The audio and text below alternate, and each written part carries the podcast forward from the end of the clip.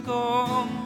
Spela hennes älsklingspodd med Peter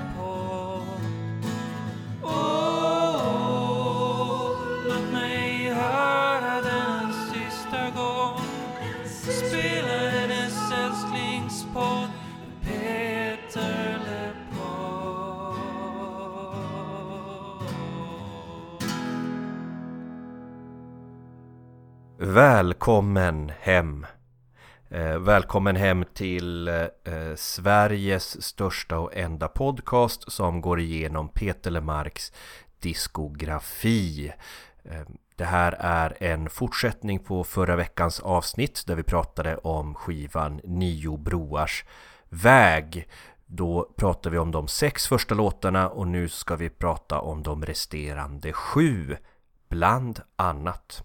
Jag heter Tony Savela och med mig så har jag Emil Gustafsson Ryderup.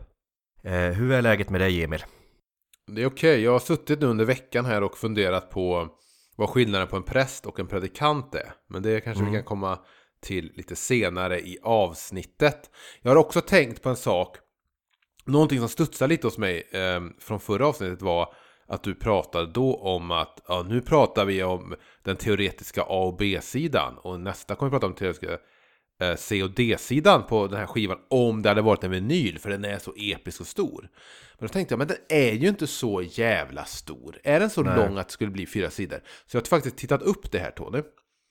Och den här skivan, eh, visst den är rätt lång. Och man brukar prata om att en vinylsida ska vara ungefär 22-23 minuter tror jag.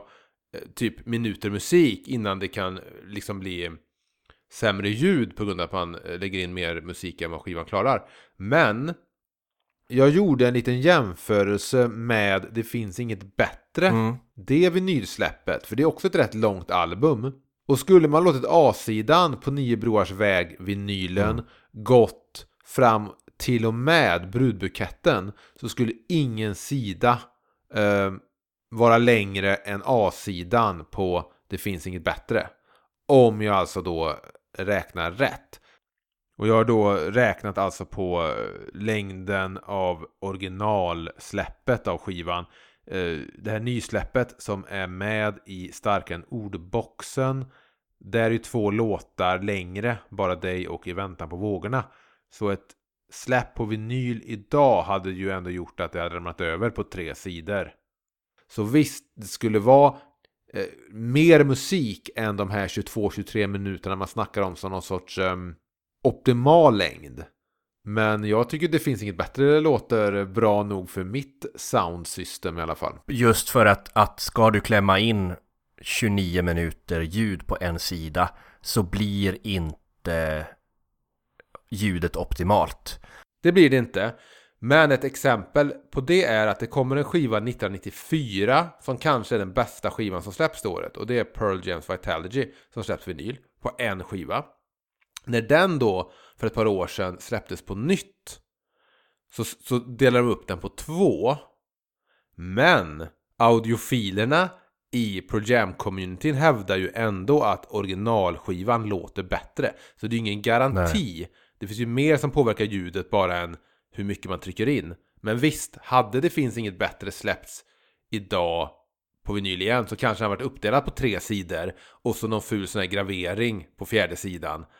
Eller möjligtvis att man hade slängt in eh, ett par extra spår eller något sånt där. Ja, och jag ska erkänna att eh, varje gång jag tänker på att Nio Broars väg är en så pass lång skiva så gör jag nog det dels på grund av extra spåren på Spotify. Det är svårt när inte Spotify tydligt markerar vart en skiva tar slut och vart extra spår tar vid. Jag tycker att jag tycker ju på, att på Spotify borde man kunna styra upp så man kan se också även A och B-sida om artisten Exakt. Att, men jag vill att den ska ligga som vinylen låg på Spotify så att folk förstår hur jag tänkte med A och B-sidan. Det, bara, det kräver ju bara en liten, liten markering i interfacet. Absolut, jag håller med. Och jag menar, jag har ägt Nio Broars väg i, på CD i över tio år nu. Det var nog faktiskt den, den albumskiva av Peter som jag införskaffade först, eller fick först. Så att jag vet ju att I väntan på vågorna är sista låten, men ändå så kan jag inte i och med att man nu för tiden faktiskt bara lyssnar på den här på Spotify. Så, så i mitt huvud så lyckas jag ändå alltid betänka Trollkarlen från det stora blå, Hud mot hud, Om vi aldrig skulle ses igen, som låtar som tillhör den här skivan. Men de låtar som vi ska prata om idag då är ju Brudbuketten, En mans tomma löften, När vi gick i solen, Bara dig, Gabriel på Vita Hästen och inte Gabriel med Vita Hästen som jag tvångsmässigt kallar den. Merkuri och I väntan på vågorna. Har du märkt att du har ett sätt eh, att Ja, hitta på egna titlar ibland? Det har hänt tidigare i den här podden att du...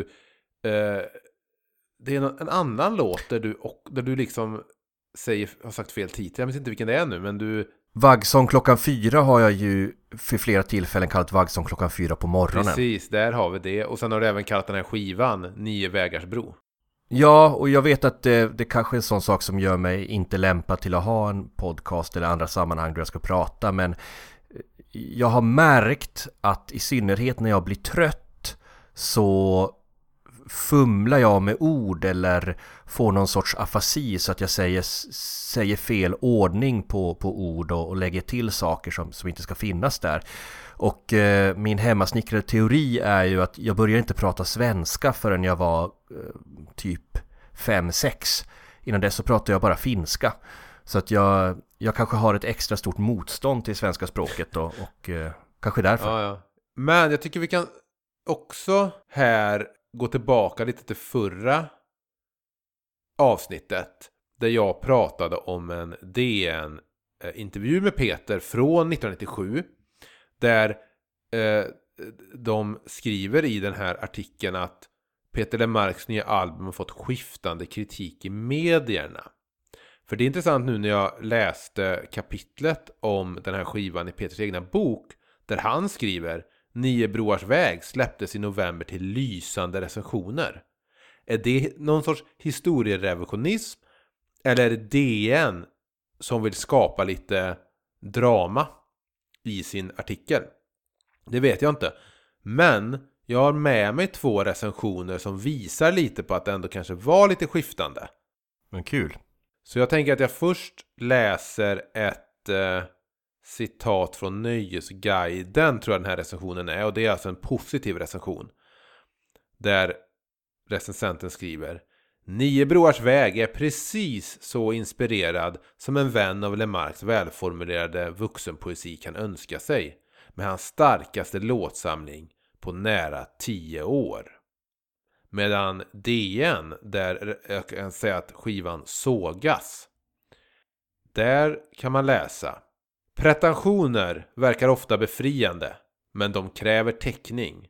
Peter Lemark har inte riktigt råd att använda språkliga konstruktioner som Kom och skjut ett kärleksskott från höften och Jag korkar upp en flaska lycka åt oss.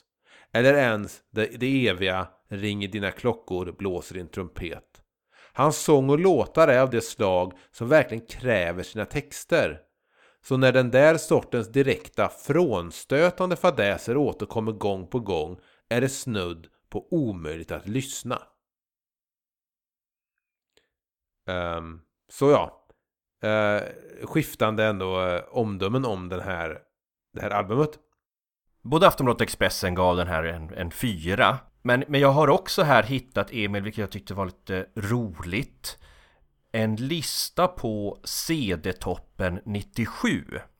Alltså vilka skivor som sålde mest 1997 och även några exempel på, på några floppar. Jag minns nu när du pratar om 97, jag minns att vi hade en skiva som hette så Most Wanted 1997. Mm. Jag tror det kom en sån platta varje år, någon dubbel-CD. Frågan är om det kan ha varit, varit med någon låt från den här plattan på den skivan. Nej men det, den skiva som sålde mest i Sverige och den sålde nästan dubbelt så många ex som tvåan. Med 340 000 sålda exemplar i Sverige. Aquas skiva Aquarium. Jag kan då säga att Aquas låt Barbie Girl är med på skivan Most Wanted 1997. såklart den är Men Peter Lemark får tyvärr inte vara med på skivan. E-Type däremot dyker upp. Det är tragiskt. Jag kan dra bara tre toppen på de som sålde mest 97. Eh, Ja, men låt mig också gissa då att det är No Doubt, Doubt skiva. exakt, de var på nummer två då. Trad- Kan den, kan den, het, kan den heta Tragic Kingdom? exakt, den sålde 180 000 ex. Okej, okej. Eh, eh, Backstreet Boys då? Sjunde plats, 130 000 sålda. Nej men lite förvånande för mig faktiskt Så den skiva som sålde tredje mest i Sverige 97 var John Fogertys Blue Moon Swamp Fy fan vad tråkigt. Ja men det var ändå lite förvånad att, att uh, Fogerty sålde så pass mycket så pass eh, sent Men det är väl den där sanningen att uh, Creedence är så här extra stora i Sverige. Men om vi då ska återgå till eh, den här poddens huvudperson Får man faktiskt gå så pass långt ner som 31 plats för att hitta Niobroars väg Som när den här listan publicerades då, eh, 97 Hade sålt 64 000 exemplar. Ja, han säger ju i sin bok att den når upp till 80 000. Det jag tycker var lite intressant här En skiva som eh, eh, det skrevs mycket om det här året var Ebba Forsberg med hennes debutskiva Been There På den så körar ju Peter Lemark eh, Men inte på USA-släppet Mhm. Men i vilket fall som helst så eh, sålde Ebbas debutskiva mindre än 5000 exemplar i Sverige 97. Så det var väl lite av en flopp. Jag tycker väldigt mycket om Ebba Forsberg och hennes musik. Men, eh, och jag lyssnade lite på den debutskivan idag, Been There idag och eh, jag tycker den har några fina låtar. Och hon återkommer ju då och köra på en hel del låtar på den här skivan. Mm.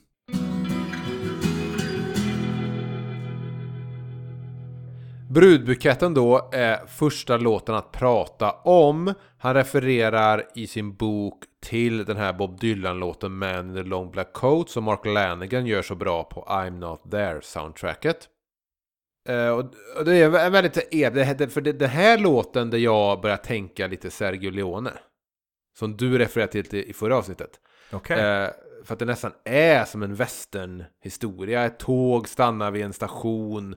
Du vet, sanden yr genom den här gatan. Salonen ligger där och sådär. Och eh, han säger att när han skrev låten såg han mannen i texten, alltså den karaktären som låten handlar om, tydligt framför sig. Och det var Robert Mitchum från filmen Trasdockan.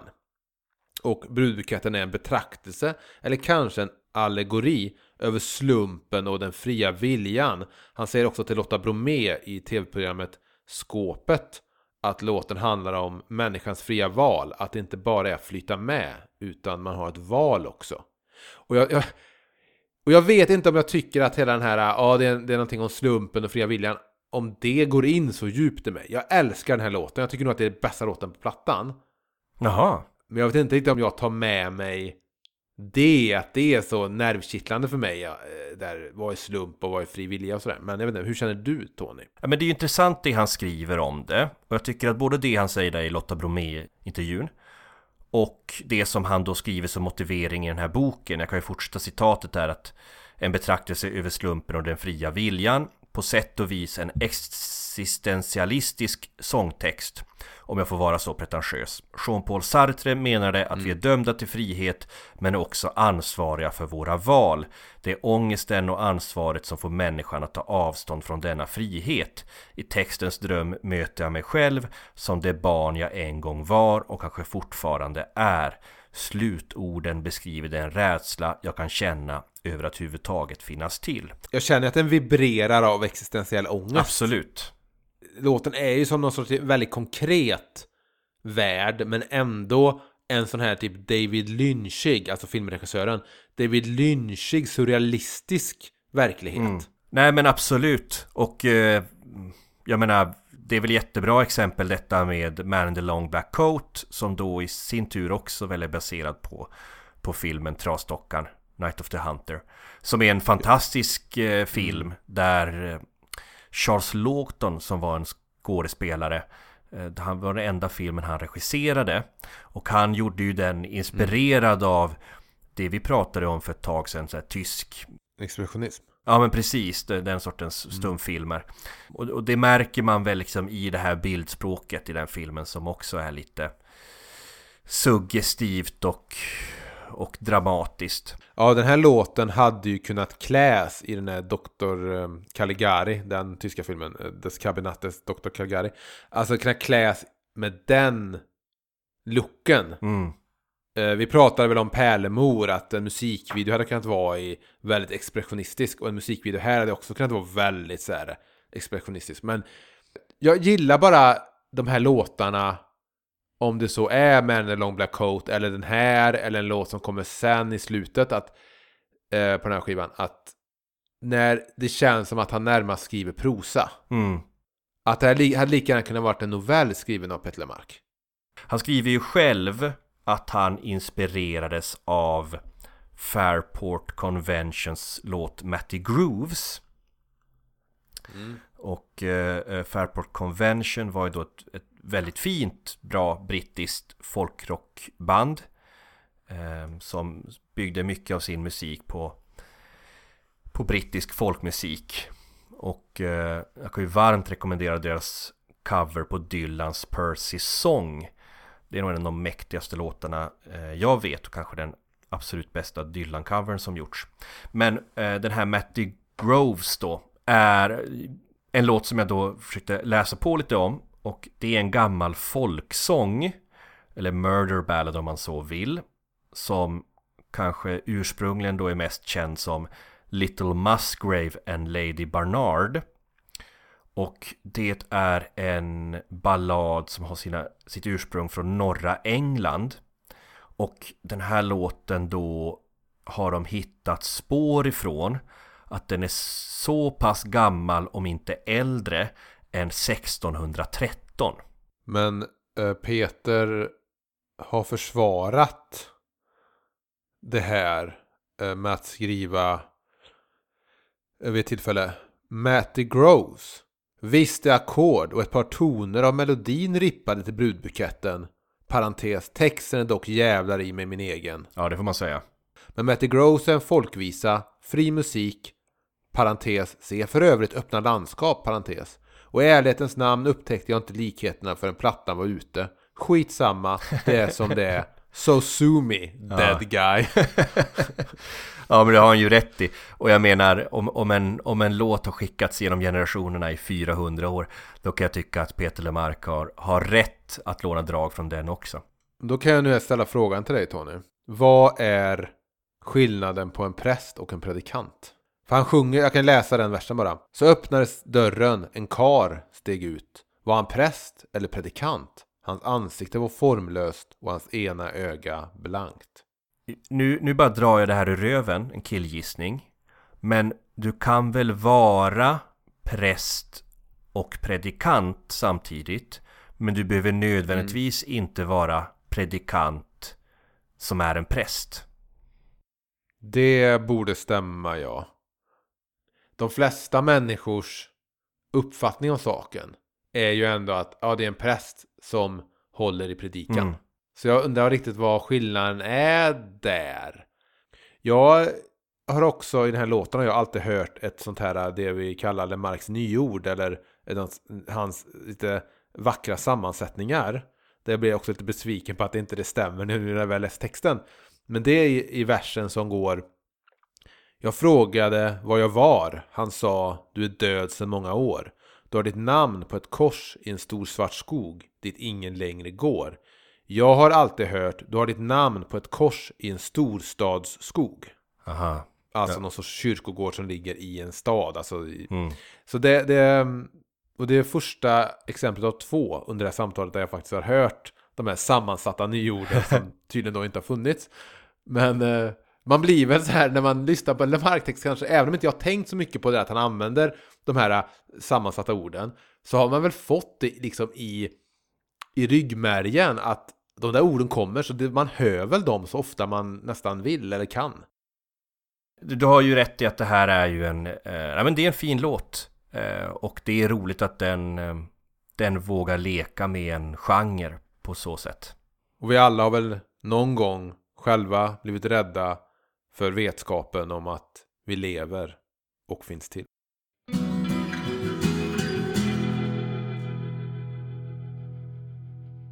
Då går vi vidare med nästa låt som alltså är åttonde låten på det här albumet. En mans tomma löften. Och här vill jag säga direkt Emil, straight out of the gate, Mm. att det här är en av mina favoriter på skivan. Varför vågar du inte säga att det här är min favorit på skivan? Nej men jag skulle ju påstå att eh, Nio broars väg, Ja. titelspåret, är min favoritlåt på den här skivan. Men att denna är eh, god tvåa. Jag skulle hävda att det är svårt att lyssna på den här låten och inte känna att jävlar vilken klassiker och också det här måste varit en gigantisk hit. Alltså när jag lyssnar på den så Ja. hör jag nästan att jo men den här har man ju hört på radio i alla år. Den var ju inte ens en singel. Nej, men det låter bara som att ja, det här är en av Peter LeMarcs stora hitlåtar. Och jag är överraskad av att den inte spelas varje kväll 2007. När han Mm. ska välja vilka låtar från skivorna efter Det finns inget bättre att, att plocka med i repertoaren så att säga. Eh, för jag tycker verkligen det här är... En svängig bit. Ja, ja och den, på ett sätt är det en rätt enkel låt. En av hans enkla, men den har en sån perfekt sammansättning att jag skulle också kunna säga att det här eh, skulle kunna vara typ den bästa låten på skivan. Jag tycker den här låten är Mm. grym så in i helvete. Kul. Härlig, om vi säger så, det är en härlig låt. Vem är tillbaka Emil? Vem är tillbaka i bandet? Hon var ju faktiskt redan eh, med på en tidigare låt eh, på de första vi pratade om men eh, då nämnde vi inte då så vi, vi kan ju nämna och uppmärksamma det nu. Sara Edin på fiol. Okej, så här är hon tillbaka. Ja, men det, det här, det, jag har faktiskt noterat att det känns lite som att det också skulle kunna vara en låt från Det finns inget bättre. P- Peter skriver ju själv i 100 sånger-boken och varje gång vi refererar till Peters bok så menar vi just då 100 sånger. Eh, Så skriver han att han har eftersträvat Rod Stewarts ung Mm. tidiga, eller kanske det han gjorde med Faces, Mm. deras eh, tidiga groove. Och, och det vill jag bara liksom eh, slänga in här och säga att en av de sakerna som är så jävla rolig när man går igenom Peters musik Mm. och när man läser vad han har skrivit om i hundra sånger. Man hör ju på Peters musik att det är en kille som har en stor skivsamling och ett stort musikintresse. Men bara de här liksom artisterna han uppmärksammar och, och lånar ifrån eller anvisar till eller liksom Det är ju så jävla bra grejer. Ja, Det är, så, det är så jävla bra musik. Det är så roligt att vara musiknörd och lyssna på Peter Lemarks musik. För att det är, det är en så, så härligt universum han rör sig i. ja i åtta av tio fall så är också låtar jag måste kolla upp. Ja. Vilket gör att det breddar min kunskap. Ja. Liksom om någon sorts musikhistoria. Men för han nämner ju här då som du sa The Faces och även Rod Stewart och han refererar till låten Maggie May. Mm. Och då tänkte jag, när jag läste det nu i boken så var det så här, Maggie May, alltså varför känner jag, jag har aldrig lyssnat på Rod Stewart direkt. Men Maggie May känner jag ju till, varför känner jag till den låten? Så grubblade jag på det. Och så kom jag på varför. Det finns en annan låt som också är inspirerad av Maggie May. Kan du gissa vilken? Nej, jag vet inte. Är det något Pearl Jam? Kisslåten Hard Luck Woman. Ja, den, men den skrevs ju också, bör ju sägas, på Stanley för Rod Stewart. Rod Stewart tackade nej, eller så var det så att Gene Simmons sa Vänta lite nu, den här låten ger vi till Peter Criss och vi har det på en egen platta. Men eh, jag vill bara säga att det här då möts äntligen nu efter eh, 20 avsnitt eller 21 avsnitt det är. Här möts verkligen Kiss och Peter LeMarc. Båda har alltså skapat en låt inspirerad av samma Rod Stewart-låt. Äntligen! Vilken låt tycker du är bäst av eh, En mans tomma löften och Kiss-låten Hard Luck Woman från eh, Rock'n'Roll Over? Det är två höjda låtar bägge två, men eh, här går Peter Lemark segrande ur striden. Tycker jag. Men, men om jag får eh, nörda ner mig lite grann där, eh, så tycker jag kanske inte att det låter så mycket eh, Faces. Mm. Utan jag tycker ju mer att det här låter som alltså den sortens 90-tals honky tonk country som gjordes då. Och jag skulle vilja säga att han mäter sig här ganska väl mot den, mot den bästa musiken som kom från Nashville Mm. vid den här tiden eller tidigare på 90-talet. Taylor Swift eller? Ja, Nej men i, i synnerhet tänker jag snarare på en artist som hette Bob Woodruff som gjorde en skiva 94 som inte jag tror hade så stort genomslag men, men eh, hans skiva från 94 som heter Dreams and Saturday Night påminner mig om den här låten en, en jävla kanonskiva. Och det, det finns en fantastisk låt där som heter The Year We Tried To Kill The Pain.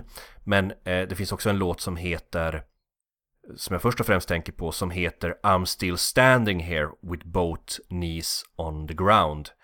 Och jag säger inte att Peter har lånat något från den men jag säger att den tillhör samma genre av country rock eller country. Liksom med liknande instrumentering och samma sorts så här catchy men ändå så här sardoniska refräng. Peter vågar till och med liksom så här svaja med rösten i falsett på samma sätt som den här sortens countryartist gör. Vad tycker du om artisten Garth Brooks då? Inte ett stort fan av honom. För han har gjort en cover på Kiss-låten Hard Luck Woman. Är det sant? Ja.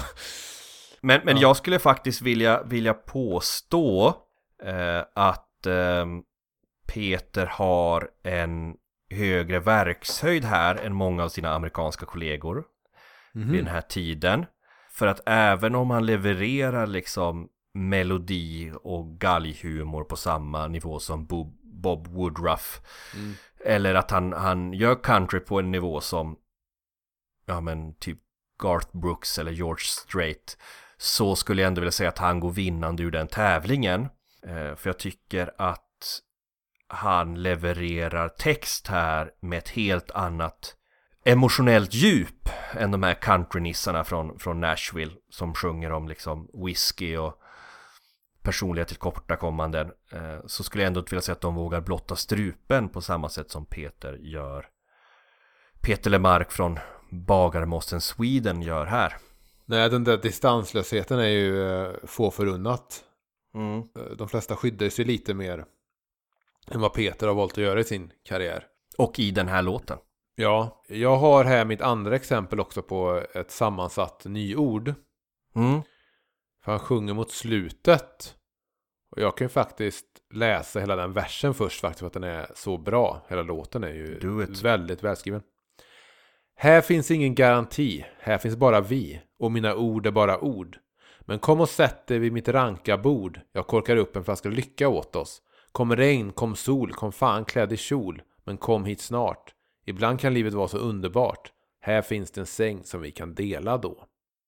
Eh, han sjunger alltså Men kom och sätt dig vid mitt ranka bord Som jag gissar betyder som rangligt eller ostadigt eller inte mycket för världen bord. Jag har hört rankarbord och det är ju väl knappt ett ord. Och, men jag har alltid tolkat det som att jag ser ett, ett vitt litet skraltigt utemöbelsbord omringad liksom av någon sorts växtrankor på något sätt. Jag har sett väldigt lummig miljö. Alternativt så har jag även ibland tänkt att det är mer en surrealistisk bild av att bordet är byggt av växtrankor i någon sån här Alice i Underlandet miljö. Lite som man skulle kunna tänka sig att det ser ut när um, hattmakaren och eh, kaninen har sin tebjudning där dit Alice kommer. Mm. Alltså att hela, det är ett, ett, ett bord gjort av naturen själv på något sätt. Och så, här. Så har jag sett, så jag har sett som att, att, att han sjunger rankarbord, man sjunger då rankabord. Jag vet inte vad, vad rankabord betyder. Jag har aldrig hört talas om det innan. Ja, jag kan faktiskt kolla upp det när vi ändå pratar, men jag tror, jag tror det är alltså ostadigt eller rangligt. Ja, men just den versen du läste upp där tycker jag, jag älskar den där raden eh, Kom regn, kom sol, kom fan klädd i kjol, men kom hit snart. Eh, Kom rain och kom shine, eller Kom fan klädd i kjol, men kom hit snart. Det är så, något så härligt längtande i det. Det är en ganska så här pigg och ordkrängande text. Och man känner verkligen att Peter har varit kreativ när han skrev den. Man känner att han har haft liksom en bra session och liksom när, när pennan har flygit över pappret. Så kanske det inte alls är, men det är så det låter. Men, och samtidigt under all den här rimakrobatiken så finns det ett mörker där. Och det är väl det där som Garth Brooks aldrig lyckades med. alltså, men det, så här, det här berättarjaget som, som vi har träffat på tidigare i hans låtar. Så här, en, en plågad själ som nästan varnar för sin kärlek. Alltså det är som att han säger här så att du kommer inte få det lätt om du väljer att älska mig. Och mm. om det är så att du räcker ut din hand och räddar mig från ångestens förlamande kvicksand så är risken att jag så här, antingen drar ner dig till botten eller att det enda tack jag kan erbjuda dig är liksom mina, mina tomma löften. Eh, men det, det, är lite, det är väl lite likt eh, när han tidigare har sjungit om att um, ja, det är ju ända till september där han sjunger där uh, att han ska lova allt han inte kan hålla. Att mm. det, han har ju den här bilden av um, den lite cyniska men någon sorts cynisk romantisk bild på att vi båda vet att uh, löften kommer brytas men det finns något vackert i bara att, att, att våga ställa dem. Eller våga mm. lova någonting. Man ställer inte ett löfte utan men du förstår. Han klär av liksom den, den här sagoromantiken på ett väldigt snyggt sätt. Att i, i ruinen av den här romantiska klassiska bilden som vi alla skapat så finns det någon sorts riktig romantik i i vardagen och i de brytna lufterna och i allt det där. Eh, får jag återgå till rank, eller ranka bara snabbt? Eh, ja, en ranka kan ju vara, som jag sa då, som en vinranka eller en växt. Jag tror det kommer från att någonting är lång, rakt, slank, smäcker, reslig. Men rank kan också betyda ostadig, vek, rankig, vickig, vinglig, osäker. Så som jag sa så är det ett ostadigt, rangligt bord som väl många kan se att någon någon, någon gång har haft eh, på tomten.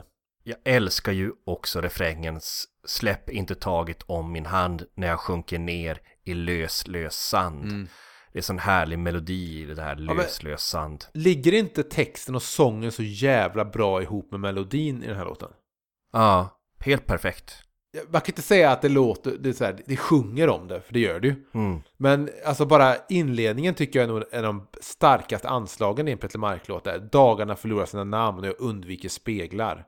Min sans är ute och seglar. Det finns en sån lekfullhet i hur orden passar med melodin. Men en sak jag aldrig har tänkt på, men nu börjar tolka in, mm. är, för du, du pratar om refrängen, släpp inte taget om min hand när jag sjunker ner i lös, lös sand. Sen kommer ju kom och skjuter kärleksskott från höften. Vilket jag så här, under mina år har tyckt, ja ah, men det är en snygg beskrivning av att låt oss ta en chansning, eller du, vet, du behöver inte tänka mm. för mycket på det du gör. Skjut bara ett kärleksskott och så, du vet. Men när Peter Lemark sjunger höften. Då är det ju sex. Ja, då vet vi att det finns något, något dubbelt i det där. Kom och skjut ett kärleksskott från höften. Att det finns något sexuellt i det som jag kanske aldrig mm. har hört innan vi börjar diskutera och analysera Peter på djupet som vi gjort i den här podden. Ska vi gå vidare på nästa låt? Uh, ja, vi kan ju gå då till låten När vi gick i solen. Vi behöver inte stanna upp vid det, men jag har skrivit här textmässigt är det så nära perfektion Peter nått. Oj! Men det han själv skriver är när vi gick i solen var ett försök att använda ett poetiskt, smått surrealistiskt språk. I själva verket är temat detsamma som i Håll om mig, fast tio år senare. Ett löfte, eller snarare en förhoppning, om att orosmolnen snart ska dra iväg. Min demo av låten var en rapp stänkare, lite, lite samma stil som en mans tomma löften. Och den versionen skulle jag så gärna, gärna eh, vilja höra. Ja, tråkigt att den inte följde med som extra spår här. Istället så säger han att han gjorde den mer i någon sorts Nick Drake-tappning då. Och att, att det även var den låten vi hör är en lyckoträff, alltså första tagningen. Det, atmosfären, när atmosfären bara finns där och allt fäster direkt. Så att, det finns nog inte ens inspelad den, den, den snabba versionen. Nej, det är mycket möjligt, men jag tycker så jag ska göra textmässigt är så nära perfektion Peter Nott. Det är en väldigt, väldigt vacker låt det är ju också en av de här låtarna där han ja, men experimenterar och leker med, med drömmar och symbolik. Men det finns ju också något det här med att hur han har valt att lägga upp låtens uppbyggnad. att det är liksom tre verser där de två första börjar det här Min älskling ville veta Mm. och sen i tredje så börjar den med Jag frågade min älskling Det säger väl också någonting om balansen i att man i de första två verserna får någon sorts fråga.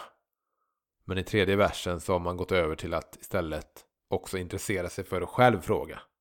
Ja, Men det, ja, det är väldigt, väldigt fin. Alltså jag, när jag läser texten så är det som att läsa en, en dikt. mm. Jag tycker att den, den funkar utan melodin. Den är bara väldigt vacker att läsa. vill, du, vill du läsa en vers? Ja, säg vilken vers så läser jag den. Ja men säg andra versen för skojs Vi går till andra versen. Min älskling ville veta om jag någonsin haft en dröm som jag inte kan förklara, som finns kvar i hjärtat gömd. Jag svarade det var en natt när vi låg nakna på en prom. Jag hoppades att drömmen skulle ta oss härifrån. Lite olyckligt där Tony att du ber mig eh, läsa versen där jag tycker att det finns lite av ett nödrim. Ja, vilken är det då? Ja, man slänger in en prom för att kunna rimma på härifrån. Det känns som att det finns Ja. vackrare eh, nätter man kan ha haft tillsammans med någon än när man låg nakna på just en prom. En prom låter ju väldigt för mig indis- industriellt närmast.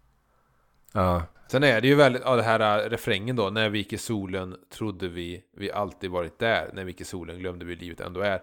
Det är ju så sant att man, man har de här bråken eller man har någonting man måste ta upp eller något som inte funkar i relationen, men så fort det är bra så vill Mm. man inte störa det status quoet på något sätt. mm. Och då är det bara så här, ja men det spelar ingen roll det där ändå om att hon om att hon har massa konstiga brev skickat till sig från någon läkare. Som vill, som pratar om rosor och choklad. Det behöver vi inte ta nu för vi har det så bra just nu. Jag behöver inte... Och sen kanske det finns också någonting att man inte fattar Man kanske inte alltid vet när man har det good times Nej. Men sen är det svårt, för det är det här du vet, åh, var är nuet, carpe diem och det här. Men även när man faktiskt har försökt stanna i nuet, man har försökt stanna i en natt eller man har försökt stanna i ett ögonblick liksom i en soffa ihop med någon eller vad det nu kan vara. Det går ju inte. Dåliga och bra ögonblick försvinner och går lika Mm. fort hur mycket man än försöker. Så, men nu ska jag, jag ska verkligen minnas den här doften, jag ska minnas den här personen, Mm. jag ska minnas den här kvällen som var så underbar eller den här åkturen i berg och dalbanan på Liseberg eller vad- vart det kan tänkas vara som man har haft det väldigt så här eh, gå i solen-aktigt.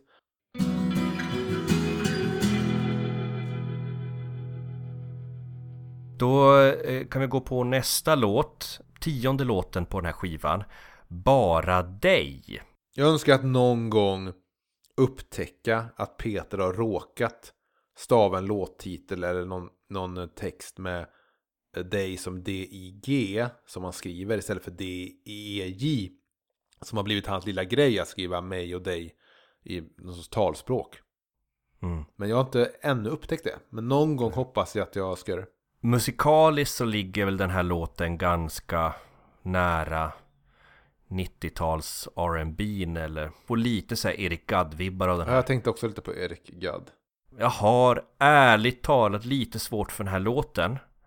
Det musikaliska. Ja, jag, jag tycker det här är lite en låt man har hört innan kan jag känna. Innehållsmässigt och så. Det bör ju noteras att det här är alltså låten från den här plattan som inte fick vara med i hans bok 100 sånger. Okej. Vad det nu säger, om det säger någonting. Men den är i alla fall inte med texten då. Eh, jag tycker ju att när vi gick i solen, som vi precis pratade om, och den här, är lite... Det är lite som vi pratade om en bok med Blanka, där att han stannar upp och säger sig lite, vänta lite, vem, vem har jag varit? Jag känner att den här låten är lite en fortsättning på det, liksom att han stannar upp och tänker eh, och funderar på vad är det viktiga för mig och, och ser saker plötsligt klart. Så på så sätt tycker jag att den är, eh, att, vi, att den är intressant. Ja, jag skulle säga att, att mina enda problem med den här är väl det musikaliska. Textmässigt tycker jag att den är fin. Men den börjar ju redan andra raden. Kom och dela lite skymning med mig. Tycker jag är ju en jättefin, bra rad. Och eh, den här, det här sticket som kommer sen, eller vad det heter. Eh, nu vill jag veta hur mycket sorg, slösad lycka kostar. Jag vet att allting har ett pris som man förr eller senare betalar på något vis. Eh, Det är ju det är jättefint, det är jättebra. Mm. Han sjunger också i versen efter det så här, ge mig bara lite vardagskärlek, vilket jag är fint. För det är ju den kärleken där sagt ett, ett löfte inte kommer hållas. Men det ändå ställs då. Och där är det också det där, men det är ju det här vi gillar Lemark för, för att han sjunger om vardagskärlek. Att han inte bara sjunger om den här tomteblosskärleken mm. eh, som hans andra manliga kollegor kanske gjorde. Sen började, för vi, i förra avsnittet pratade vi lite om det här att um, du och jag mot världen är lite sången de spelar. Med ett nytt försök att göra den på något sätt, eller behandla samma. Um, och det här är lite också samma sak att, att berätta för någon att uh, du är personen för mig. Om, jag, om det är så att jag tappat bort mig, du tappat bort mig, så vill jag bara nu med, liksom med när röken har skingrats och jag vet vad, vad som är viktigt här i livet så är det, är det du. Det är en sån låt. Du, jag känner nästan eh, att jag är hungrig på att prata om nästa låt. Såklart man är, för det är ju Gabriel på vita hästen. Eller som den heter i Norrland, Gabriel med vita hästen. Ja, det är ganska stor skillnad att befinna sig på en häst eller att man är, du vet, en snubbe med en häst. Mm. Jag försökte kolla om eh, den här eh, ärkeängeln Gabriel eh, om man har en koppling till en vit häst eller porträtteras ihop med en vit häst. Men jag har inte hittat någonting om det. Ärkeängeln Mikael hittade jag en tavla där han dräper en drake samtidigt som han, han rider på en vit häst. Mm. Så jag vet inte om det finns någonting där att Gabriel hade en vit häst eller om det bara var snyggt så att säga textmässigt. Ja, jag har inte heller eh, hittat någonting om det. Däremot när man sökte på Gabriel och häst så hittar jag eh, keramikfigurer. Mm. Och det finns en keramikfabrik som heter Gabriel Keramik. Och de har gjort en del figurer med hästmotiv. Men är det, är det en svensk? Ja, precis. Ett, ett svenskt företag. Och nu för tiden gör de bara kakelugnar. Så frågan är att, att, att företaget Gabriel Keramik Att de har gjort en hel del keramikhästar. Om det är bara en slump Who knows? Jag har i alla fall eh, sett fram emot att prata om den här låten Eftersom den i princip klyver Le Marxist-communityt. Och en, en, låt som jag tycker fått oförtjänt mycket skit. Det var en lyssnare som skrev till oss för ett tag sedan. Han skrev så här Nio broars väg är i mitt tycke Peters mästerverk När folk frågar mig vilka skivor som är de bästa som har gjorts så är den skivan med där uppe Det är troligtvis den bästa skiva som är gjord på svenska någonsin Plattan är sprängfylld med kanon pop soul låtar Men hur tänkte han när han slänger med Gabriel på vita hästen? Där borde någon stoppat Peter. Låten fyller ingen funktion. Plattan har tillräckligt med låtar ändå. Vad säger du Emil? Håller du med vår lyssnare eller eh, på vilken sida står du?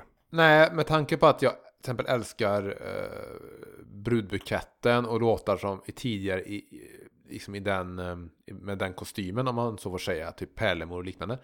Så tycker jag Gabriel på Vita Hästen och sen låten som kommer avsluta den här skivan hör ihop lite med det att, det att det är de här bara berättelserna där det är väldigt mycket symbolik. Vi får själva läsa in mycket vad det betyder. Det är ett drömlandskap.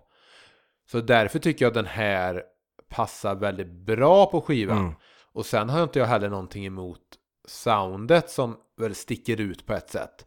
För han, som han själv skriver i sin bok då, att han ville leka med harmonier och melodier jag, det vill säga Peter, i min okunskap tyckte det lät indiska.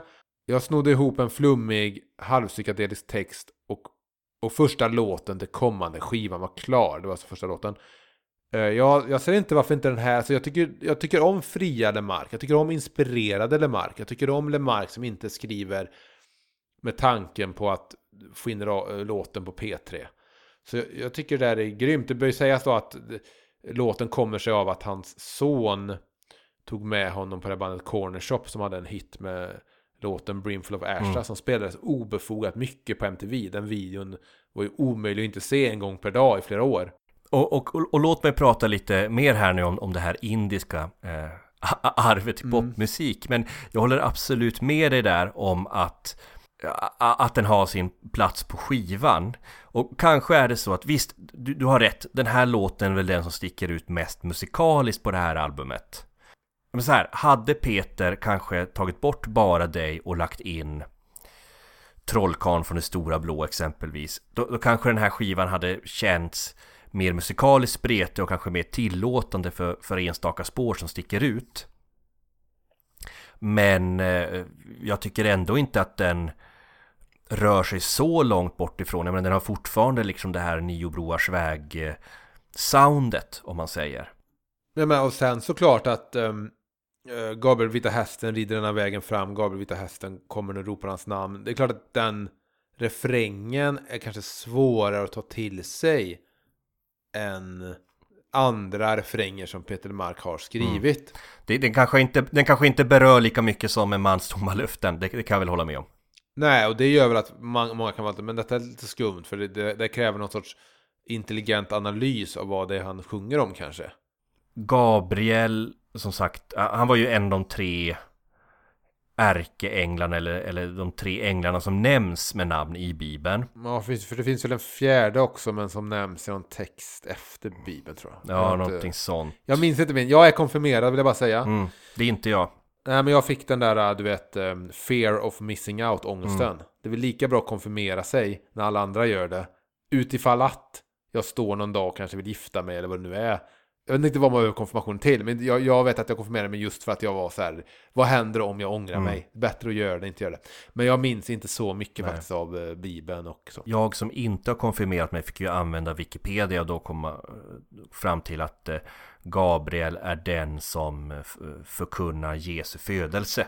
Men man ska ändå inte skriva bort ärkeängeln från historien för att den nämns ju faktiskt i texten också. Uh, Ärkeängeln och schimpansen tar inte dina råd. De vet inte om att himlen är en kyrkogård. De vill ta din andedräkt. Han nämner ju andedräkt väldigt ofta. Det är andra gången på den här skivan han nämner andedräkt. Han nä- han nämner även i låten innan. Och får dig under duk, men du är inte botad än. För du var aldrig sjuk. Du tog ju upp det här med eh, Corner Shop.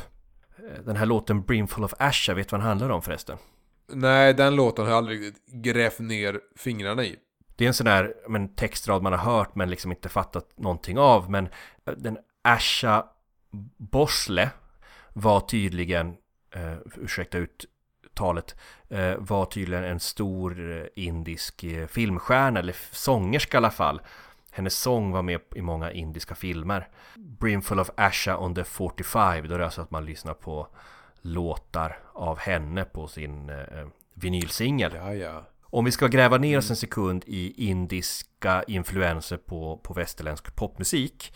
Eh, Pe- Peter påpekar ju också det att hans stora möte med indisk musik var liksom när Beatles höll på med inspiration och med sitarer genom George Harrison då i första hand som då inledde en, en vänskap med Ravi Shankar och eh, den mest kända låten är väl eh, Within You Without You och även Rolling Stones använder ju sitar i, i Painted Black och det finns många andra exempel eh, jag tror också att uh, The Birds hade det på sin låt Eight Miles High men den här sortens rock då kom att kallas för raga rock.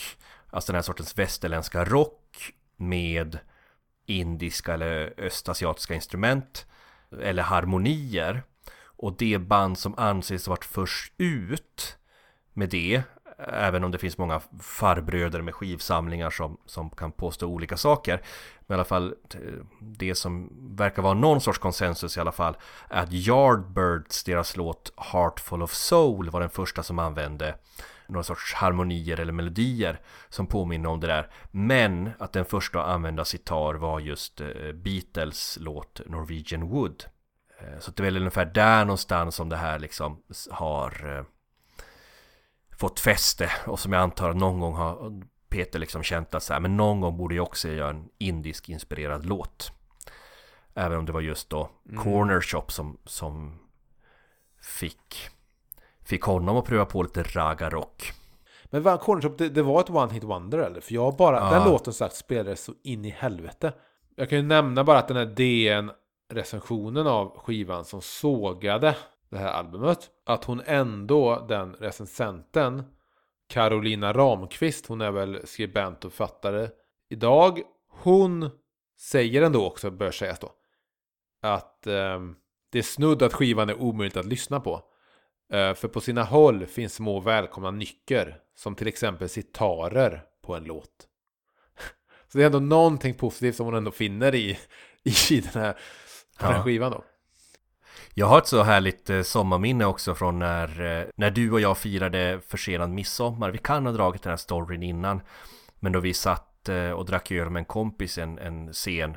Vi bör ju nämna med tanke på att det, att det är lite fokuserad podd att det här var ju upphärad på väg mot Sjuntorp Exakt. utanför Trollhättan. Precis. Och då så var det en, en av våra vänner då som den här låten, vi, vi spelade Kiss för det mesta den här natten men cueade in lite Peter Lemark-låtar och då när den här låten kom så blev han tyst och så sa han Är det här Peter Lemark? Jaha Ja det måste ju vara hans bästa låt men så du, du bara ploppa in just Gabriel på Vita Hästen i playlisten? Ja Ja men jag kände att det var den låten som passade bra då Ja. Man är ute i en stuga i Upphärad Man dricker öl Man är du vet Mätt av mat Man slår bort lite myggor. Man vill ha liksom något, något skönt groove Som en, som en hårdrockskompis kan liksom köpa. Och då, då kommer Gabriel på Vita Hästen. Galopperandes. Ja, nej, men det är ju en sån här perfekt eh, mitt i natten eh, ute med en stjärnhimmel-låt att lyssna på.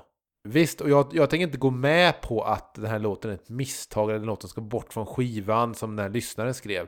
Den här låten hör hemma på skivan sin helvete. Den borde varit en singel. Eh, det här kanske en remix faktiskt hade varit i sin ordning. Tänk om, om man hade kunnat ta in samma kille som gjorde Brimful of Asha remixen och remixen här och det här hade blivit liksom Peters stora breakthrough hit Ja, precis. liksom. In- Internationellt alla bara Gabriel på den vita hästen. Men okej, så, ha, så du vill inte ha den här Oogie Oogie remix-grejen som du fick? Nej. Nej, jag vet inte vem Oogie Oogie är. Han, du vet, har säkert jättemånga fina sidor. Men jag tycker han ska lämna Nio Broars väg i fred när det kommer till att göra remixer. En person som vi inte har pratat så mycket om vars samarbete eh, som producent då tog slut på den här skivan. Det var ju Tony Thorén vi pratade Mm. om han i förra veckans avsnitt. Men jag har ju inte pratat så mycket om honom på sistone som basgitarrist vilket då eh, han då gör givetvis på den här skivan spelar bas. Och på denna låt och många andra så vill jag bara säga att jag njuter av basen. Kan det vara så, jag vet inte om detta nämns i podden, men jag har ju alltid haft väldigt svårt att höra bas i låtar. Jag hör aldrig liksom basen och det kanske är positivt, jag vet inte. Kanske är för att du har dåliga högtalare Ja, kanske, men på Peter Mark-skivor hör jag alltid basgångarna. Så jag undrar om det är en följd av att producenten är basist och att han gärna kanske lite separerar basen eller att han höjer upp den lite. Att han mixar den högt ja. Det är säkert en, en klassisk, du vet, Thorén går in så här, du vet, när mixen är färdig och Peter LeMarc tittar bort så höjer han alltid basen lite, lite till. Jag tror också att det kan ha att göra med att, eh, och det här säger jag en ren killgissning, att eh, Tony också har ett sätt att spela bas som är lite så sjungande och melodiskt. Skulle du säga att Ton Thorén är din favoritbasist efter Gene Simmons i Kiss? Och efter Paul McCartney och Rick Danko.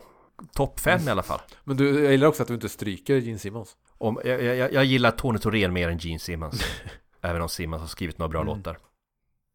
Gene Simmons, vem, eh, han gillar ju Peter det Mark. var ju en, en fantastisk story som postades på Facebook.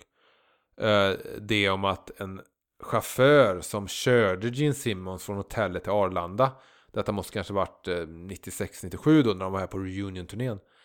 Eh, och hade då eh, Peter LeMarcs hittegods-CD i spelaren. Eh, att Gene Simmons blev väldigt nyfiken och intresserad på musik som spelades. Och när de var framme vid Arlanda så köpte han skivan av chauffören och tog med sig.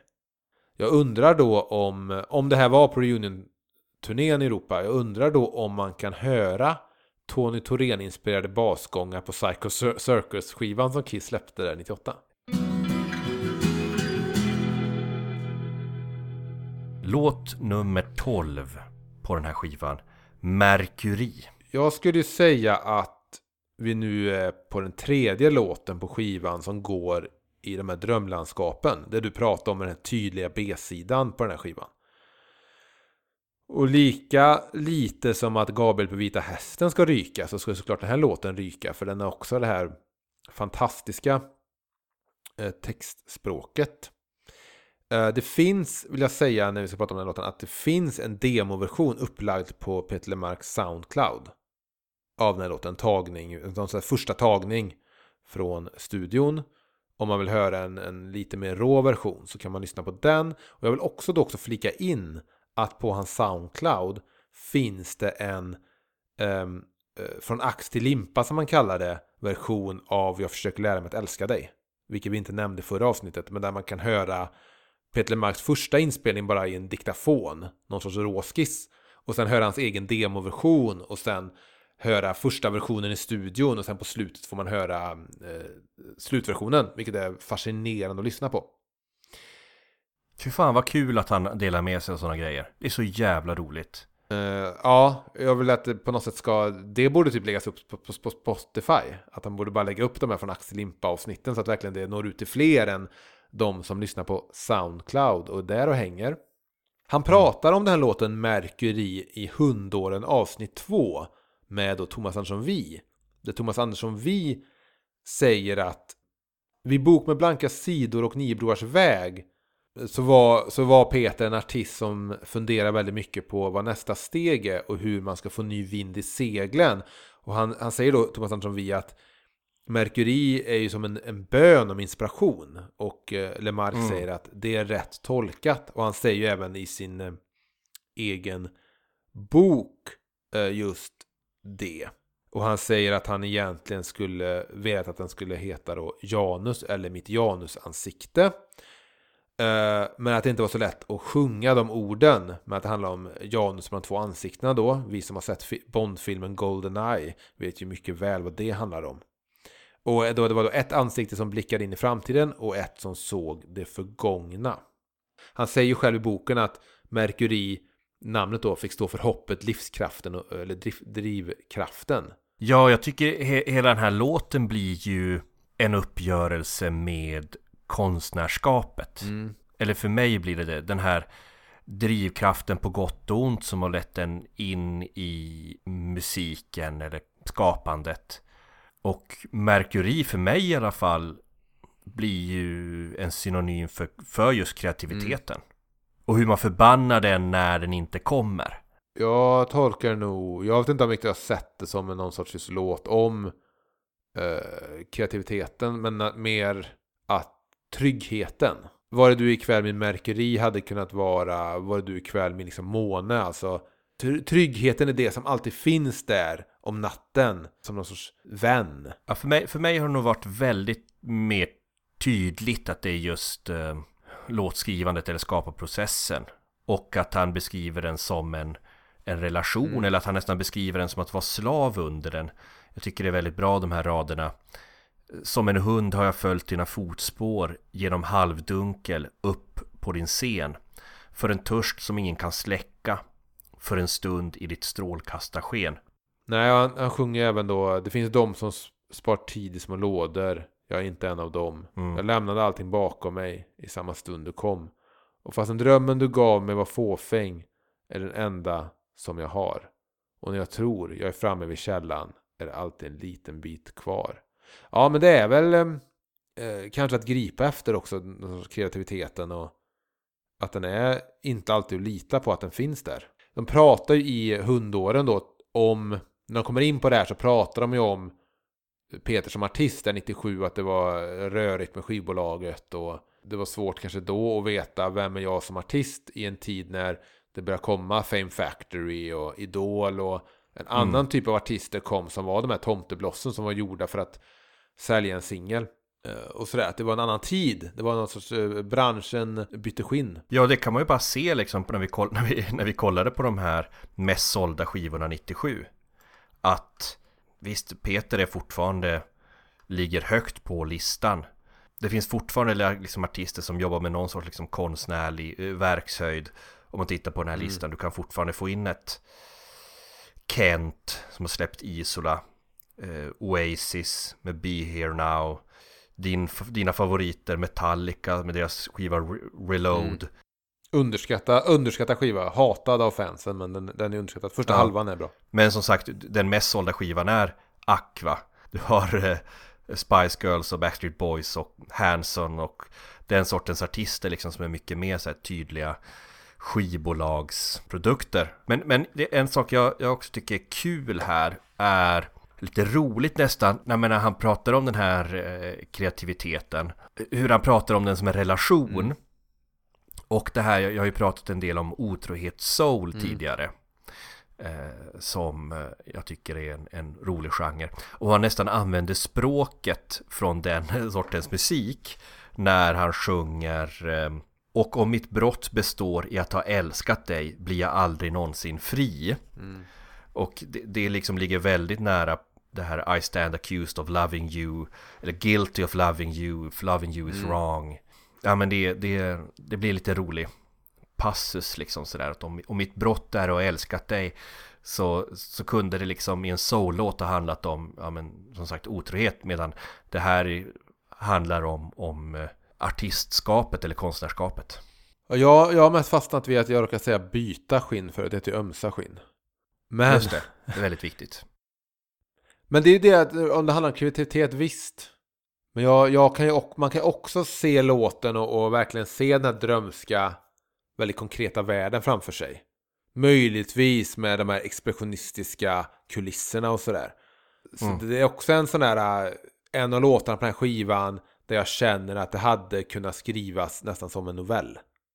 Och då hade, då hade, hade ju Mercury kunnat vara en, mer en otrohets-souls kvinna då. På något sätt, Ja, kanske i den novellen och inte bara en, inte bara du vet 20 sidor om någon sorts sökande efter kreativitet. Utan det kanske är ett litet mord med. Det kanske är en liten detektivhistoria. Ja, det kanske var butlern i slutändan som gjorde det. Ja. Eller basisten. Basisten. Det var, det var, det var basisten med tamburinen i biblioteket.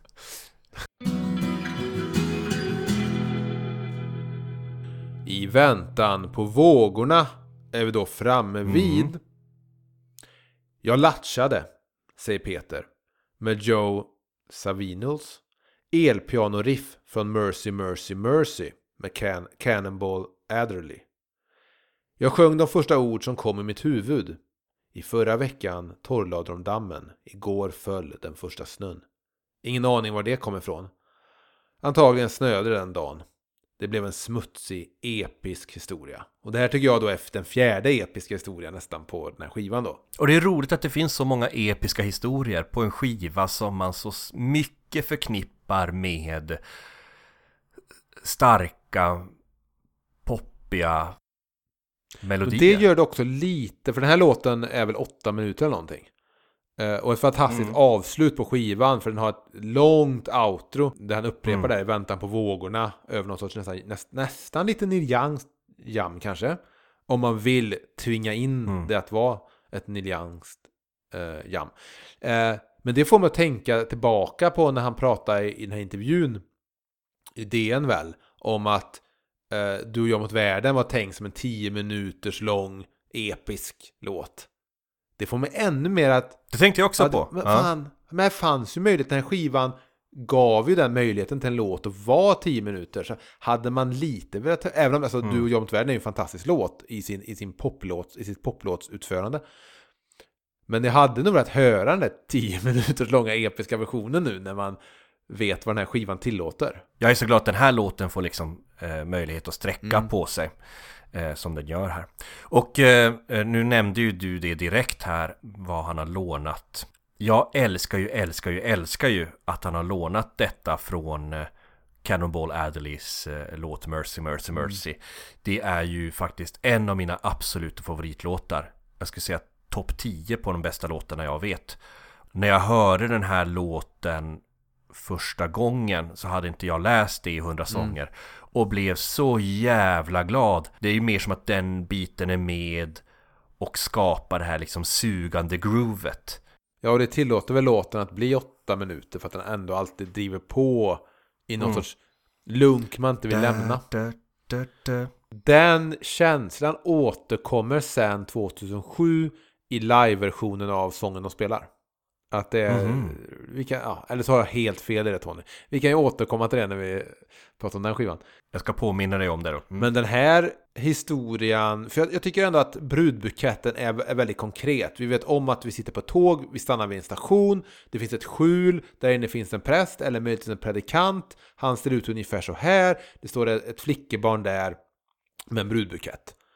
Den här är mer, eh, eh, mer som nästan ett stoff av textrader utslängda på ett papper. Den, är, Mm. den är mer fri och har inte samma ryggrad kan jag känna. Men den ger mig så här äh, jag vill veta mer hela tiden. För han, han, är, ju han är väldigt duktig här på att han nämner namn, han nämner detaljer nog som jag vill, fan Mm. jag vill ha det utvecklat. Till exempel, inget är sig likt sen Sammy försvann. Men fan är Sammy? Eller sen kommer väl också i Ritas butik, är det öppet om natten? Ja, hon är alltid där. Ja, det finns alltså en person som heter Rita. Vem är hon? Och vem är potatisgubben som står med sin fackla i handen? Så, så på så sätt är den abstrakt. Men den har ändå väldigt konkreta bitar. Nu har inte jag nämnt Bob Dylan på tidigare på detta avsnitt eller förra. Så nu har jag Du har tillåtelse att göra nämnt det igen. Dylan i det här avsnittet, vill jag bara säga. Vad är det då? The då? Man with the long black coat. Vem skrev den låten? Ja, fan också. Det gjorde jag också. Helvete. Ah, ja, men nu gör jag det igen då. Här har ju Peter lyckats med det som Dylan också lyckats med i många låtar. N- när, du, när du tittar på den här låten i sin helhet så är det en abstrakt berättelse. När du går in liksom och zoomar in på enskilda rader så får du liksom små konkreta liksom beskrivningar eller händelser. Så det är liksom först när man ska bygga ett sammanhang av det som du får liksom lite svårt att navigera dig i, i vad egentligen är som sker. Men, men i och med att det, det skapar liksom en ganska så här, häftig, flyktig känsla. Så att när den här liksom sångaren rör sig genom den här världen och har liksom olika möten så får det att tänka på Dylan gjorde nästan tio år senare en, en låt som hette Ain't Talking där han också går omkring och möter olika människor liksom och det är liksom någon sorts annalkande undergång Det kan vara att jag bara, det kan vara så enkelt att det är längden på låten som får mig att tänka på Neil Young. Men jag tycker den känns lite som hans, Ja. du vet, de här Everybody Knows It Nowhere-låtarna, Cowgirl in the Sand och Cinnamon Girl som är textrader som inte riktigt är ihopkopplade. Man, man undrar så här, vad, hur hör detta ihop? För det, det är ju ändå en berättelse som berättas i de låtarna likt här. Men vi får, vi får inte eh, alla pusselbitar. Som liksom Hello Cowgirl in the Sand, Is this place at your command? Can I stay here for a while? Så man undrar så här, vad är det här för, för plats? Som Neil Young får chansen att stanna vid och så här. Och, Ja, och då blir det fint att det är vårt jobb att liksom lägga pusselbitarna. ja, och, det, och det, det är någonting snyggt när det inte blir så här bara superabstrakt. Utan ändå tydligt nog att vi alla ser en potatisgubbe framför oss. På något sätt har vi ju samma utgångspunkt. Men sen ändå liksom kulisserna bakom potatisgubben. För jag kanske, jag ser framför mig Hötorget av någon anledning. Men någon sorts, på någon sorts 1800-tal. Men hur som helst. Så man, ja, jag tycker bara det är snyggt så in i helvete. Och sen man bara hänger på i åtta minuter. Liksom försvinner nästan in, i- inte in i en trans kanske. Men förstår du vad jag menar? Det är väldigt lätt att bara fastna i den här tunneln som är den här låten. Och sen är det en sån, sån jävla stark bild det här när han som refrängen då alltid avslutas med. Och jag ser allt det som jag äger, allt det som jag hållit så hårt Ligga som vrakgods på stranden. Jag håller mitt hjärta i handen i väntan på vågorna. Och då är frågan så här, i väntan på vågorna är det liksom en störtflod som väntar? Du vet en tsunami som ska utrota allt. Du vet en, en syndaflod. Eller är det någonting positivt? För jag menar, det här med att ligga fast i väntan på tidvattnet, ja men då är det någonting som kommer överskölja en. Men när jag hör liksom väntan på vågorna, då tänker jag liksom någonting man kan flyta på. Jag, jag har nästan tänkt det så här att antingen så är det som att han står på stranden och väntar på liksom de här vågorna som ska skölja bort allting, inklusive honom själv. Eller är det så att allt det här som han äger, som han har försökt hålla så hårt i, som egentligen inte spelar så stor roll, allt det här vardagliga, du vet, om det är så ens, ens Toyota eller ens, ens eh, skivsamling. Du vet, allt det där som är så flyktigt. Mm. Men han håller sitt hjärta i handen i väntan på vågorna. För att det enda som egentligen spelar någon roll när, när vågorna kommer in och sköljer bort allt, det är att man liksom håller fast i sitt hjärta. Det är så jag ser att jag ser eh, en persons förflutet, allt som ingår i det. Eh, ligga där och man väntar bara på att tidvattnet ska vända och bara ta ut allt i havs. Men man står, man står där naken och det enda man har kvar är sitt, är sitt hjärta. Men, ah, men det är mer liksom jobbiga minnen. Jobbig relation, liksom en ruin av ett liv. Som ligger där i väntan på att försvinna. Eh, men jag har en fråga till dig Tony. Jag har en fråga till dig först. Jag har en fråga till mig först då. När senast låg du naken på stranden och väntade på att så här, fan nu kommer snart tidvattnet, nu är det kört. Problemet för mig är att jag har fobi för vatten Tony. Och jag vet att det, du säger så ja. nu för att du vill sticka lite. Du vill vara lite så här elak mot mig att jag ska blotta min att jag inte kan simma och så här. Men eh, det får ju stå för dig det beteendet. Jag tycker snarare på att det lät som att du de facto har legat naken på en strand. Har jag det? I väntan på vågorna. Vad var, vad var din fråga? Min fråga är, är uttrycket beväpna dig med vingar ett vedertaget begrepp? Eller är det så att när Joakim Tåström, jag kommer säga att det är 2009 men jag vet inte när han släpper skivan Beväpnade med vingar och singeln Beväpnade med vingar. Är det så att han har tagit det medvetet eller omedvetet från den här låten? För Peter sjunger ju så beväpna dig med vingar och slipa ditt hjärta. Det är dags att fara vilse min vän. Skynda innan det är för sent. Jag tror ju att Tåström har tagit det härifrån. För det här är ändå en... Alla vet ju för övrigt att, att Beväpnade med vingar kom ju 2012. Men är det kärleken för dem som kommer 2009 då? Ja, den kom väl någonstans där 2009. Mm. Hur som helst, det borde ju vara så att Thåström har tagit det härifrån. Om det inte är så att de har läst samma Tranströmer-dikt eller något sånt där. Och det där dyker upp. Men jag har inte hört uttrycket beväpnade med vingar innan, jag, innan eh, Thåström släppte den singeln. Mm. Jag tycker det är väldigt snyggt eh, versen som avslutas med, eh, det är väl sista versen då. Där han, där han sjunger Jag skriver en rad som ett brev eller dagbok och två ord sticker som neon eller guld. Faktiskt de enda ord jag skrivit. Jag vet inte varför. Det ena är an, det ena ansvar och det andra är skuld. Han nämner väl själv i sin bok där att det handlar om någon sorts väntan på en undergång och det känns bara som att man väntar på att ett, att låten handlar liksom om att ett liv kommer driva ut till havs och man står där naken och kommer behöva bygga upp ett nytt liv.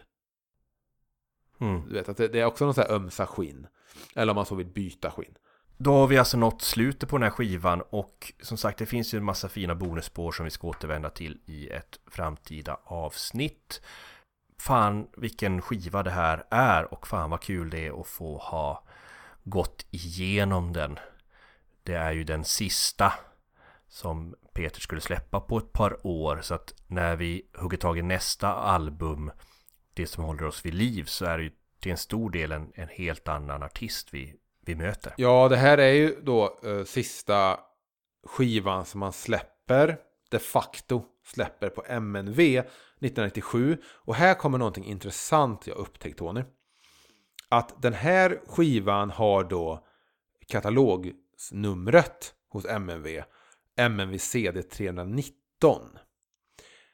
Men när jag bläddrar igenom den här boken Ljud från Vaxholm som är intressant att läsa eh, möjligtvis för lyssnare då. Så i slutet där så listar de alla MNVs album som har släppts med katalogsnummer. Och två mm. år efter, 1999, så finns det listat ett nummer 339 som tillhör Peter Lemark. Alltså två år efter den här sista plattan på MNV. Eh, och det står att, men det står i boken då att den är ej utgiven på skivan. Och då är det ju intressant vad är det för album som låg där 1999? Och vem, vem kan man fråga för att få svar på det här? Tony? Ja, eh, Jonas Sjöström var ju faktiskt VD på MNV eh, en, den här perioden innan han skulle vara tvungen att eh, avsluta sin anställning på företaget under dramatiska former. Vem vet, det kanske är en historia vi får återbesöka eh, längre fram här i podden. Men vi i alla fall, vi ställde den här frågan till Jonas eh, Sjöström och han berättade detta för oss. Han skulle väl ha de där nio numren här för mig. Var det inte så att det skulle sluta på nio jämt? Eller har jag fel? Det vet jag inte, men det är väldigt intressant om det är så att, det, att han hade någon kanske skrock till och med om det. Jag för mig att det var något sånt att hans skivor alltid slutar på nio. Uh, det var inte så här Zlatan. Nej, men jag minns inte att vi hade någon outgiven skiva med Peter. Så, men däremot kanske han tingade det numret. Eller att vi hade tingat det numret då i utgivningsschemat. Det är möjligt, men mm, det är så jag, jag tänkte. inte riktigt det faktiskt. Men inte fanns det någon ut, outgiven skiva, det minns jag inte. Ja, eh, då verkar det alltså som att den här var tingad då eh, för något sorts teoretiskt framtida Peter, Peter Lemark-släpp. Och det, det intressanta som jag tycker Jonas Sjöström säger här är ju det här att ja, men Lemark hade någonting med att han skulle avslutas på nio hans skivor. Så jag tittade upp det här Tony. Och mm. den vita plattan som släpps 1987, som du kanske har hört, den har faktiskt katalogsnumret 159. Närmare gränsen 169. Välkommen hem 199. Sången de spelar 219. Hittegods 229. Det finns inget bättre 239. Boanacera 249. Bok med Blanka 269. Lemarkologi 289. Lemarxism 299. Niobroars väg som vi sa 319.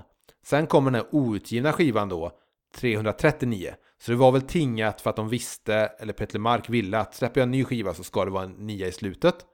Och det intressanta dock med detta är att sen när han släpper sin klassiker, sin Greatest Hits, många mm. år senare så släpps den också på MNV. Och då har den katalogsnumret 409. Ja, så även då respekterades den, den eh, viljan. Vet du vad mitt eh, turnummer är? Kan det vara 9? Det är nio. Ja, där har vi någonting. Där har vi någonting. Då Emil så tycker jag att det är dags för oss att eh, knyta ihop säcken och eh, tacka våra lyssnare för att de har varit med oss i dessa två samtal där vi har pratat om eh, Nio broars väg eller som Peter poddfansen kallar den Nio vägars bro. Ja, niofiliga väg. När jag, när jag möter Peter podd-lyssnare ute på gatan så brukar de under sina munskydd ropa till mig den här senaste veckan i alla fall Nio vägars bro! och då stirrar jag ner i backen och eh, fortsätter gå. Om jag någonsin blir så jävla sur på att den aldrig släpps vinyl och jag, jag gör en egen bootleg av den på vinyl, vad det nu kan kosta, mm. så ska jag döpa bootleggen till Nio vägars bro. Men den ska också ha katalogsnummer 9 på slutet. Och där, där slår det mig först nu att den här heter Nio vägars bro, Nio, nio broars väg. Det är där kanske först där. Nu. Där har vi ju varför Nian, nian kommer ifrån. Och jag vill också säga... Vi har inte ens, vi har inte ens, vi har inte ens kopplat att, att skivjäveln vi pratar om heter Nio broars Precis, väg. måste han ha en siffra. Men samtidigt så går han eh, fyra steg i blå, han går inte nio steg i blå. Men Nej. jag vill också bara säga då att en sån sak som att han har döpt alla skivor, sett till att varje skiva har en nia i slutet i katalogsnumret. En sån mm. sak man bara får veta när man lyssnar på Peter Le Podd. Alltså, inte en chans att det dyker upp i en intervju med Lotta Bromé i skåpet sent 90-tal. Eller i Hundåren-podden med eh, Thomas Andersson Vid. Det är bara här som den typ av information kan komma upp till ytan. Tack så mycket till alla som har lyssnat. Eh, vill ni kontakta oss så gör det gärna på sociala medier. Man kan mejla oss på eh, på Facebook, Twitter och Instagram hittar man oss på Peterlepodd. Intro och outro-musiken, Emil, vem är det som gjort den? Det är ju Kristoffer Hedberg från bandet Easy October som jag vet inte om du känner till det Tony, men de har gjort en cover på Ända till September på engelska som heter Until September och finns att lyssna på på Youtube eller så finns den även i vårt avsnitt som heter Lemark mot världen som jag tror är poddavsnitt nummer 19. Allt är bra nu. Sitar solo.